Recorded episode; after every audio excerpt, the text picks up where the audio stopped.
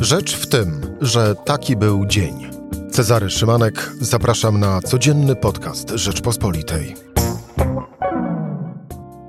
Wtorek, 19 kwietnia, dzień 55 rosyjskiej agresji na Ukrainę i pierwszy dzień bitwy o Donbas.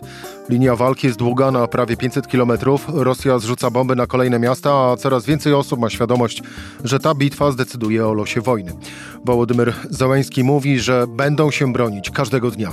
A już za chwilę moim gościem Andrzej Łomanowski, dział zagraniczny Rzeczpospolita. Rzecz w tym, że zapraszam Cezary Szymanek. Słuchaj na stronie podcasty.rp.pl. Włącz Rzecz w tym w serwisie streamingowym. Andrzej Łomanowski, dział zagraniczny Rzeczpospolita. Andrzej, dzień dobry. Dzień dobry. To y, wpierw, no przynajmniej na y, wtorkowe popołudnie, krótki raport. Y, ukraińskie media informują o serii, bom, serii bombardowań, w tym ciężkich, we wschodniej części kraju. E, rosyjscy żołnierze mieli zaatakować e, i ostrzelać okolice miast Izium, Kreminna, Popasna, Wdijka, Marinka, Toreck, New York i Wuchłedar. Walki trwały też w okolicach Charkowa i, i Mikołajowa, a z kolei szef ukraińskiej ługańskiej administracji wojskowej y, Serhii Hajdaj mówi, że Rosjanie przejęli wczoraj kontrolę nad y, miastem Kreminna. Walki z kolei w jego okolicy cały czas tak czy inaczej yy, trwają. To taki dosyć krótki przegląd tego, co dzieje się w tej chwili na wschodzie, na wschodzie Ukrainy. Wróćmy jednak, Andrzej, do tej podstawowej kwestii. Czy to, co się teraz zaczęło, tak przynajmniej opisuje to prezydent Ukrainy Wołodymir Załęski, czyli bitwa o Donbas, to to jest to, co zdecyduje o dalszym losie tej trwającej wojny? E, tak, jeżeli to jest rzeczywiście bitwa o Donbas to, co nie jest? obserwujemy. No to, powiem tak, e, zdania są podzielone. Ukraińskie władze, wojskowi oraz prezydent Zełański twierdzą, że już się zaczęło. Podobnie przed chwilą, to znaczy jak na wtorkowe popołudnie, e, powiedział minister spraw zagranicznych Rosji Siergiej Ławrow, że zaczęła się druga część e, ofensywy. Natomiast Amerykanie, Pentagon, amerykańscy analitycy wojskowi są sceptyczni. Chodzi przede wszystkim o to, że o sposób, w jaki walczy rosyjska armia. To znaczy, Amerykanie uważają, że Rosjanie zebrali za mało żołnierzy do takiej wojny. Tak oceniają, no, oceny są różne, od 65 do 80 tysięcy rosyjskich żołnierzy. Andrzej, tu postawmy na chwilę kropkę, bo powiedziałeś do takich działań. Do takich, czyli do jakich? Właśnie, i to jest to, ta druga część, mianowicie sposób, w jaki walczy rosyjska armia. Amerykańscy eksperci twierdzą, że ona walczy według podręczników z II wojny światowej i tego rodzaju ostrzał artyleryjski, który my oglądamy, który od czterech dni narasta, a e, kulminację osiągnął w poniedziałek w nocy, to taki ostrzał może trwać nawet tydzień, bo akurat pocisków artyleryjskich to Rosjanom nie brakuje, w przeciwieństwie do Ukraińców. I nie jest jasne, czy te walki wokół Kremiennej y, na przykład to już jest ta ofensywa, tym bardziej, że y, no, Kremienna to jest takie małe stepowe miasteczko, tam 20 tysięcy mieszkańców raptem, y, a mimo to Rosjanom nie udało się go zdobyć. Tam trwają cały czas walki uliczne, jeżeli w ogóle można mówić o jakichś ulicach w tej raczej takiej rozciągniętej wsi niż miasteczku. I teraz o co chodzi Rosjanom? Bo front, front rzeczywiście ma no, solidną długość kilkuset kilometrów od Charkowa, takim ogromnym łukiem przez Donbas, Mariupol. Mówi się, że to jest około 480 kilometrów. Charków jest, cały, Charków jest cały czas ostrzeliwany. Tam raczej Rosjanie nie zaatakują. To jest raczej coś w rodzaju odciągania e, uwagi Ukraińców od głównego e, ataku. Natomiast w Chersoniu jest dokładnie odwrotnie. Tam Ukraińcy atakują i naprawdę cisną Rosjan bardzo mocno. Gdyby armia ukraińska miała więcej ciężkiego sprzętu, to Herson już dawno zostałby albo odcięty, przez nią i oblężony, albo Rosjanie by z niego uciekli. Hersoń y, z pozostałymi pozycjami ukraińskimi łączy, y, rosyjskimi, przepraszam, łączy już tylko droga biegnąca przez stepno, ponieważ Ukraińcom brakuje czołgów, nie są w stanie jej przeciąć. Ale, ale bez przerwy zajadle próbują i w końcu im się to uda i wtedy będzie ogromny, jakby to powiedzieć, policzek propagandowy dla Putina, bo Herson jest jedynym miastem obwodowym, czyli po naszemu mówiąc wojewódzkim, które się udało zająć Rosjanom e, w czasie tych a, 55 dni e, agresji na Ukrainie. Natomiast główny ciężar walk to jest właśnie w Donbasie.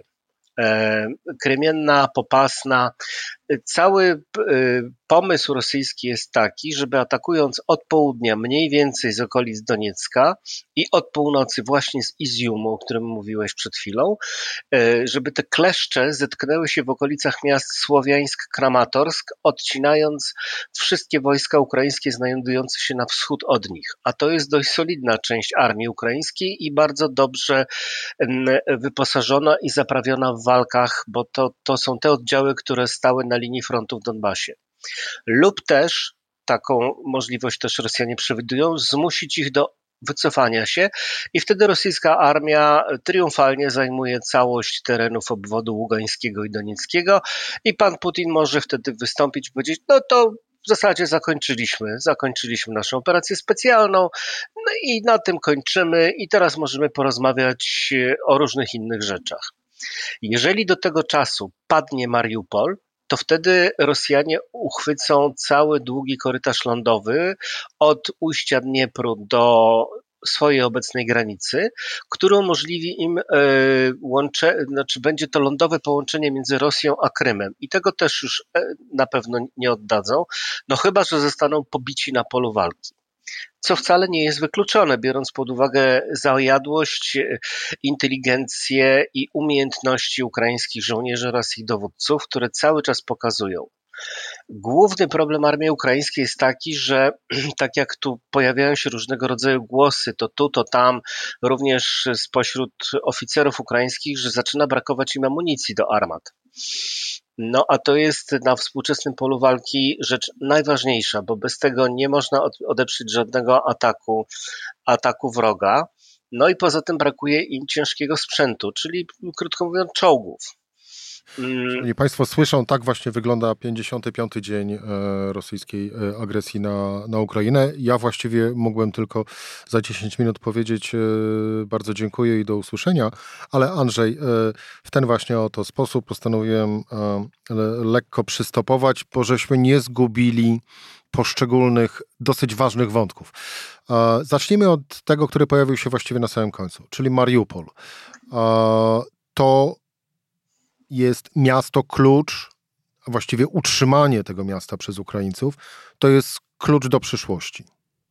Mm, tak, tak, bo jeżeli Rosjanie go zdobędą, y, zrobią z Morza Azowskiego swoje wewnętrzne jezioro, całkowicie odpychając Ukrainę od jego brzegu. Jeżeli to jest go... potrzebne do tego, żeby Ukraińcy obronili Mariupol? Po prostu więcej broni, czy coś jeszcze? musieliby się przebić do tego miasta. Chwilo, a obecnie jest to niemożliwe. Gdyby posiadali lotnictwo, sytuacja by się zmieniła, dlatego że wtedy te rosyjskie wojska, które tam zostały zebrane, oberwałyby bardzo, bardzo solidnie, ponieważ oni tak dość le, e, e, lekceważąco odnoszą się do, do problemu o, o obrony przeciwlotniczej, no i wtedy, wtedy naprawdę mieliby ogromny kłopot. To Mariupol jest jeszcze, to tak, to znaczy, jeśli chodzi o zdobycze terytorialne, to jest jedna sprawa taka długoterminowa, natomiast krótkoterminowa jest taka, że tych kilka tysięcy ukraińskich żołnierzy w Mariupolu oblega około 10 tysięcy rosyjskich. Jeżeli e, Mariupol zostanie zdobyty, to ta cała armia zostanie y, zwolniona i rzucona na front przeciwko Ukraińcom, gdzieś tam w stepach, w Basie, może na, może na, na miasto Zaporoże. I to, to byłoby zgrupowanie, które mogłoby zmienić w jakiś sposób przebieg wojny. No, dopóki Mariupol się broni, to jest to niemożliwe.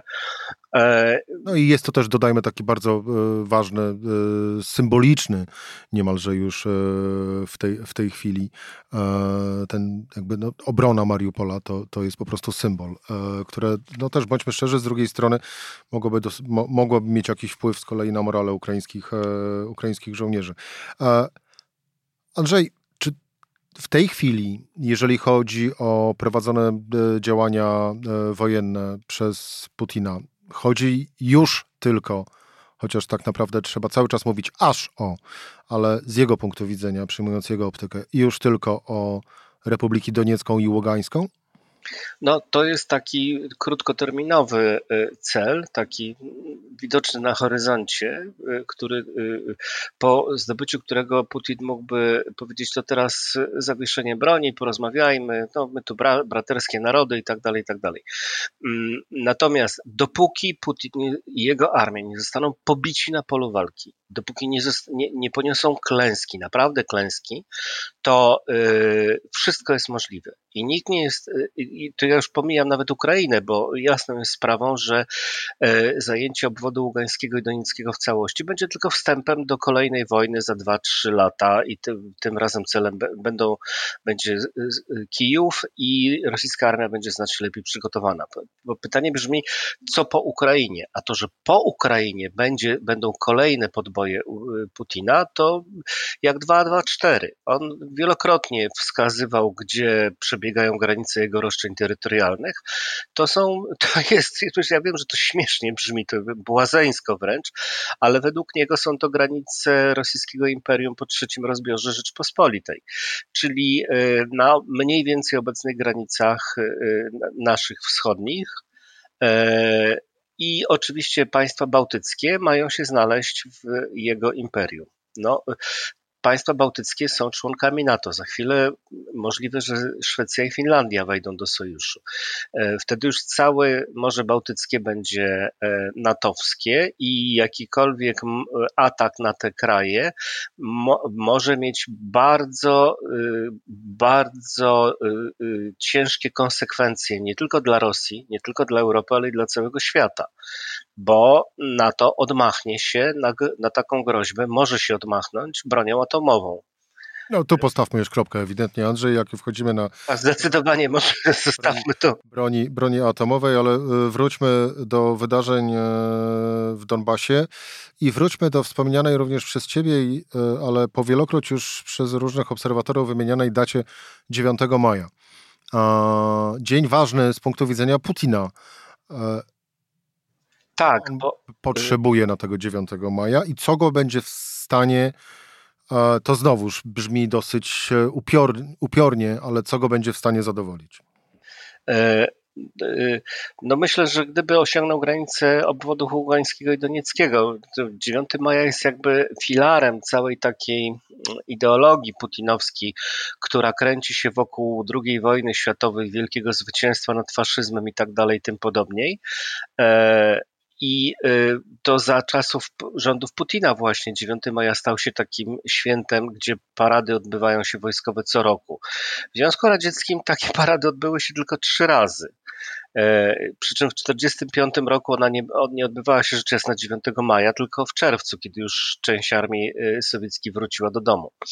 A potem w 1965 i w 1985 co, co, co 20 lat, kilka razy paradowano za czasów rządów Jelcyna, chyba dwa razy i dopiero Putin zrobił z tego taką ogromną e, fetę doroczną i sam usakralizował tę datę i teraz ma problem. Przy czym pojawił się kole, pojawiła się kolejna data, ponieważ 26 kwietnia zaczynają się święta wielkanocne prawosławne i nagle część analityków zaczęła się zastanawiać, czy aby Putin nie zechce zakończyć wojny do tej daty. Znaczy, możemy powiedzieć tak, im wcześniej ją zakończy, tym lepiej, bo tym mniej ludzi zginie, ale y, y, y, pytanie na jakich warunkach? No, na pewno nie udało mu się pokonać Ukrainy, chyba żeby zdobył cały kraj i jego armie doszły do, do Bugu, to, co jest w obecnej sytuacji całkowicie wykluczone. Nie ma takiej możliwości, żeby to się stało. No bo tak naprawdę, patrząc z tej perspektywy z kolei, to właściwie y, można powiedzieć, że no, Putin jest już na y, właściwie ze wszech miar i z każdego punktu widzenia straconej, straconej pozycji, y, bo trudno sobie wyobrazić, że nawet po zajęciu i zatrzymaniu się na granicach e, Republik Donieckiej i Ługańskiej, owa wojna tak naprawdę by się miała skończyć. No nie, to przybrałoby taką formę jak przez ostatnie 8 lat w Donbasie, czyli jest linia frontu, po, po, przez którą się strzelają obie strony bez przerwy. Tam jest po, po kilkuset zabitych z każdej strony co roku. To, to w ten sposób by wyglądało. No, Putin jest mistrzem w tego rodzaju historiach. Tak wygląda, e, wyglądała jeszcze niedawno, teraz to trochę inaczej. E, e, granica osetyjsko-gruzińska, czy czyli front w Gruzji. E, tak wyglądał Donbas. No to podtrzymywanie takich konfliktów, ropiejących ran, e, to, to jest, Putin jest tym mistrzem i będzie to, to tak długo trwało, dopóki on znów nie, nie, nie, nie wyda rozkazu do natarcia e, i gdy uzna, że jego armia już jest wystarczająco zebrana i ma znowu... No, chyba, że wcześniej chyba że wcześniej wykończą rosyjską gospodarkę i samego Putina sankcje nakładane przez Zachód. A to już nas, to sprawdzenie tego czeka nas w czerwcu. E, szefowa Centralnego Banku Rosji powiedziała, że do końca drugiego kwartału jeszcze gospodarka może jechać na wewnętrznych zapasach, a potem, jak to ujęła, będzie musiała się zrestrukturyzować. E, jak to powiedzieli rosyjscy ekonomiści, było to bardzo ładne nazwanie katastrofy gospodarczej, która czeka Rosję e, na przełomie czerwca, lipca. No, może jeszcze powiedzmy okres letni jakoś tam złagodzi to, ale już jesień, jeżeli sankcje będą utrzymane, to jesień będzie naprawdę w Rosji ciężka. Miejmy nadzieję, że do tego czasu y, restrukturyzacji ulegnie sam Władimir y, Putin. Czego Andrzej mu z całego serca życzymy. Andrzej Łomanowski, dział zagraniczny Rzeczpospolita. Andrzej, dziękuję Ci bardzo za rozmowę. Dziękuję. To była rzecz w tym e, we wtorek. Cezary Szymanek do usłyszenia jutro o tej samej porze.